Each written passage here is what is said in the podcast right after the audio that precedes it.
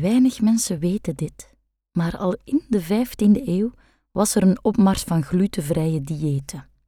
Reeds toen al hadden heel wat mensen maag- en darmproblemen. En luisterden ze naar gezondheidsgoeroes die predikten: weg met het brood, weg met het brood. Hiermee verkochten ze het katholieke geloof een smerige schop in de maag.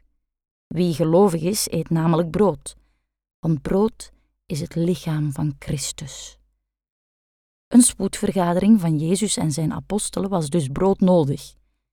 Hier zie je hoe zij rond de tafel discussiëren over de kwestie. Jezus in het midden zegt: We moeten deze opmars de kop indrukken. Maar hoe dan, hoe? vraagt Petrus met zijn groene mantel rechts van Jezus. Johannes, die links zit, vouwt zijn handen en zegt: Door te bidden.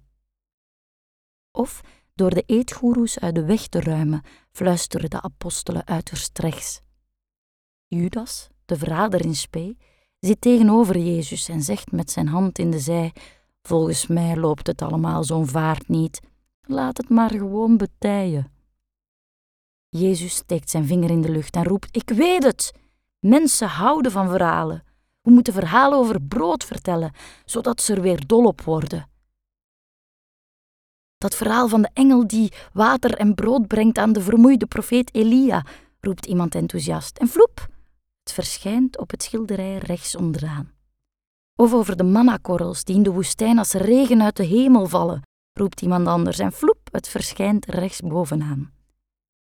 Of het paasmaal van de Joden, een heerlijk paaslam omringd met broodjes. Vloep, links onderaan. Of koning Melchizedek die Abraham brood en wijn aanbiedt. Vloep, links bovenaan. Jezus glimlacht en zegt: Laten we vertrouwen op de kracht van verhalen. Ga en verspreid het woord van het heilige brood. Zo geschiedde. Het volk verklaarde weer massaal de liefde aan het brood en de dieetgoeroes verdwenen vanzelf. Maar niet voor altijd.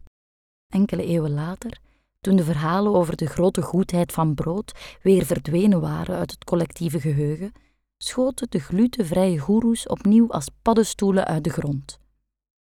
Ze zijn nu iets gematigder en roepen: brood, het lichaam van Christus, dat deugt niet. Maar wijn, het bloed van Christus, dat kunnen wij alleen maar aanbevelen. School!